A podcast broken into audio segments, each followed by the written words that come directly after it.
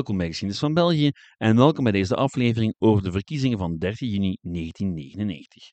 Al gaat het eigenlijk over veel meer dan enkel die verkiezingen. Het gaat over een sleutelmoment in de Belgische politieke geschiedenis dat er al decennia lang aan zat te komen. Het moment waarop de Vlaamse Christendemocraten niet langer de grootste partij van het land waren en het politieke landschap voor het eerst sinds lang weer volledig open lag, om nooit meer echt te sluiten. Bijgevolg hebben we het over een heleboel dingen. Verzuiling, staatshervormingen, Vlaams nationalisme en een opeenvolging van politiek gekibbel. Maar vooral over de lange weg van hoe de Belgische politiek tot vandaag kwam. Of misschien net daarvoor. Dat en nog veel meer in deze aflevering van Geschiedenis van België.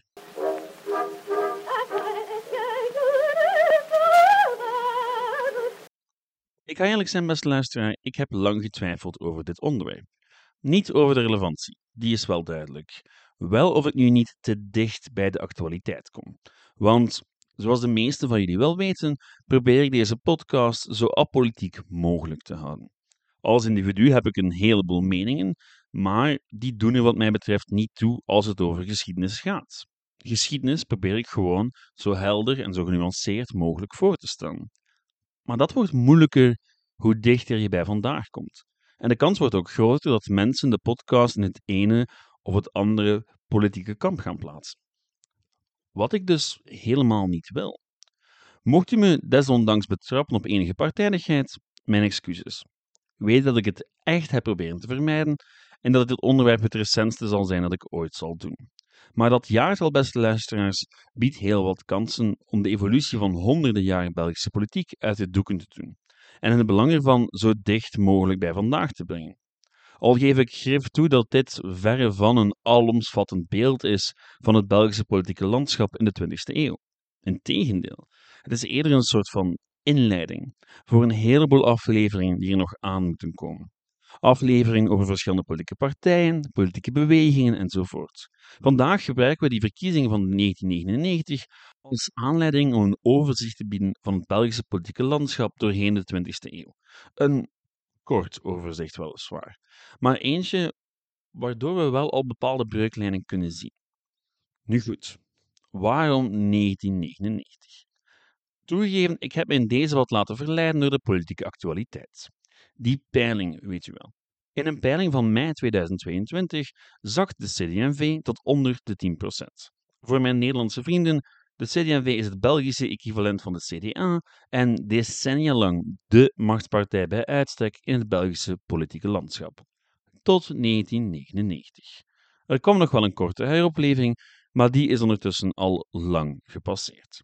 Maar goed, Waarom was 1999 dan zo'n belangrijk moment in de Belgische politieke geschiedenis? Wel, om te beginnen was de verkiezing op voorhand al omgedoopt tot de moeder aller verkiezingen. Een term die vandaag voor zowat elke Belgische verkiezing gebruikt wordt, maar toen wel nog terecht was. Het was immers de allereerste keer dat de Europese, Vlaamse en federale verkiezingen samenvielen. Dat op zich was al opmerkelijk genoeg, maar het is vooral dankzij de uitslag dat de verkiezingen van 1999 de titel van moeder aller verkiezingen mogen opeisen. Als u het mij vraagt, toch, in elk geval. Al lijken zowat alle politicologen daar het wel over eens te zijn. De meerderheid van socialisten en christendemocraten, die al bijna twaalf jaar regeerden, stortte in en de christendemocraten zouden voor het eerst sinds 1958 niet meer deel uitmaken van de federale regering. Dat dankzij een onuitgegeven coalitie van groenen, socialisten en liberalen. Op die manier lijkt 1999 achteraf een breekpunt te zijn geweest. Er is immers een voor en een na. Voor 1999 was de Belgische politiek in de eerste plaats een spel van drie partijen, die onder elkaar de postjes verdeelden. En erna versplinterde het politieke landschap steeds meer en wogen die drie traditionele partijen steeds minder door. Tot de dag van vandaag, waar hun belang, ja, toch zeker electoraal, niet meer te vergelijken is met dat van vroeger. Al kan je natuurlijk de vraag stellen of dat wel zo opmerkelijk is. Want ja, politieke partijen, die komen en gaan, toch?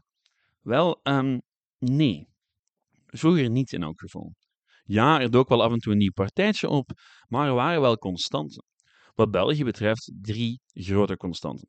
De Katholieke Partij, de Liberale Partij, de Socialistische Partij en hun eigentijdse equivalenten. Al was ook dat niet altijd het geval.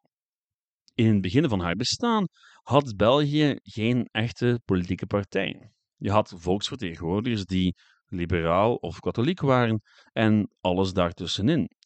En die volksvertegenwoordigers die zetelden in het parlement. En zij vormden wel groepjes of overlegden samen over wetten, maar er was geen partij, er was geen voorzitter, er was geen partijdiscipline of een partijcongres, laat staan lidmaatschap van een partij. De Katholieke Partij bijvoorbeeld, die werd pas opgericht in 1869. En hoewel ze af en toe van gedaante zou veranderen, bleef ze zeer lang dominant en werd ze slechts heel zelden naar de oppositie verwezen. En als ze regeerde, dan deed ze dat ofwel alleen, als ze een absolute meerderheid had, of met liberalen of socialisten. De verkiezing van 1999 echter gaat om veel meer dan enkel het einde van de hegemonie van de christendemocratie. Je kan ze ook beschouwen als een eindpunt van de verzuiling. Wat ons brengt tot het fenomeen dat we ondertussen al een goede tien jaar bezighoudt: verzuiling. Om de definitie van Wikipedia te gebruiken, verzuiling is de verdeling van een samenleving in groepen op levensbeschouwelijke of sociaal-economische basis, waarbij de groepen in bepaalde mate van elkaar zijn afgeschermd. Dit kan worden bereikt door het oprichten van op de levensbeschouwing gebaseerde instituties als scholen, verenigingen, partijen, vakbonden, omroepsorganisaties, kranten en ziekenhuizen. Goed, dat is een zeer saaie definitie, maar het beschrijft wel een beetje wat het is. Verzuiling is in de eerste plaats een sociologisch fenomeen dat wel degelijk politieke implicaties kan hebben. In een verzuilde maatschappij behoort bijna iedereen tot een zuil. Ziekenhuizen, scholen, jeugdbewegingen, universiteiten, sportclubs enzovoort allemaal waren ze gelieerd aan een van de drie zuilen van de maatschappij.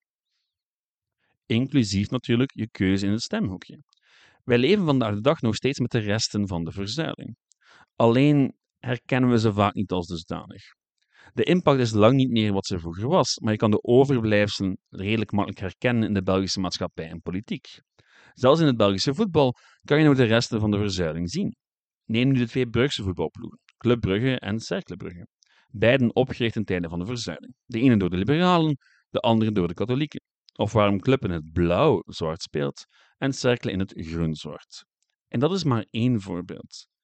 Waarom denkt u dat in het verleden heel wat West-Vlamingen niet in Gent gingen gaan studeren, maar in Leuven?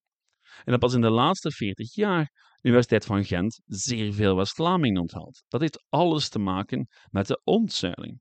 Met het feit dat mensen, en daarmee bedoel ik in dit geval katholieke jongeren in West-Vlaanderen niet meer geneigd voelen om naar Leuven te gaan als Gent vlakbij is. Want ja, katholieke jongeren in West-Vlaanderen, dat zijn er steeds minder. Dus voor hen is dat geen factor meer dat Gent een rijksuniversiteit is. Wat het vroeger wel was. Nu goed, onze vakbonden, onze scholen, mutualiteiten, allemaal zijn ze gebaseerd op een verzuilde maatschappij. Maar de tijd waarin ook een partijlidkaart erfelijk was, die is al lang voorbij. Je kan niet langer voorspellen op welke partij iemand stemmen zal, afgaande op zijn of haar religieuze voorkeur, schoolkeuze of sportclublidmaatschap. Ook al in 1999 trouwens. Alleen had men tot dan toe de schade weten te beperken. De drie klassieke Belgische machtspartijen bleven de lakens uitdelen. In 1999 echter brak definitief de dam. Al had die voordien al meermaals gaten vertoond.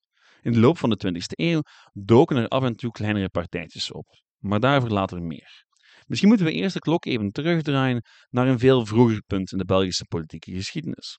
Het punt waar politieke partijen, zoals die vandaag begrijpen, ontstonden. De Liberale Partij ontstond als eerste in 1846, voornamelijk als een manier voor liberale volksvertegenwoordigers om beter weerstand te kunnen bieden tegen de katholieken. Want die waren zeer lang in de meerderheid en voelden niet echt de nood om zich te verenigen tot 1869. Toen de liberalen net iets te veel begonnen te hameren op de scheiding tussen kerk en staat. De socialisten volgden niet veel later in 1884. En daarmee hebben we zowat de drie belangrijkste politieke partijen voor de komende 120 jaar besproken. Niet dat die niet veranderen zouden.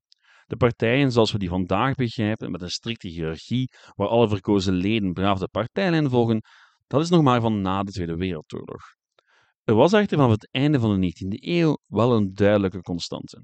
Drie grote politieke partijen die, als het echt nodig was, samen aan tafel gingen zitten en besloten hoe het verder moest met het land. Een perfect voorbeeld daarvan is het akkoord van Loppen, waar ik al een aflevering over maakte. Nu, Loppen, dat was een select clubje van politici van de grote drie, die een akkoord afsloten dat politieke krijtlijnen uittekende voor de nabije toekomst.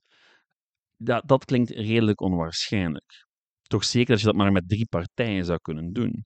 Want ja, we spreken ondertussen al lang niet meer van drie partijen. Daar zit enerzijds de splitsing van de grote drie in regionale partijen voor iets tussen, en anderzijds de versplintering van het politieke landschap. Een versplintering die al begon tijdens het interbellum, maar het zou nog een hele tijd duren tot die partijen meer konden doen dan oppositie voeren. Af en toe, heel af en toe, werden ze mee in de regering gehesen, om een van de grote drie te kunnen uitsluiten van de macht. Die grote drie maakten zelf ook de nodige transformaties door, maar wisten zichzelf wel steeds in stand te houden. Na de Eerste Wereldoorlog bijvoorbeeld vervelden twee van de belangrijkste partijen, de socialisten en de katholieken. De Belgische Werkliedenpartij koos resoluut voor een democratisch model, waarna haar meer radicale, communistische broeders haar achterlieten. Bij de katholieken werden de conservatieven gereduceerd tot niet meer dan een fractie binnen een partij waar de christendemocratie centraal stond. Na de Tweede Wereldoorlog zou de katholieke partij trouwens definitief vervellen tot een christendemocratische volkspartij, de toenmalige CVP. Niet dat het conservatieve gedachtegoed daarmee ten dode opgeschreven was.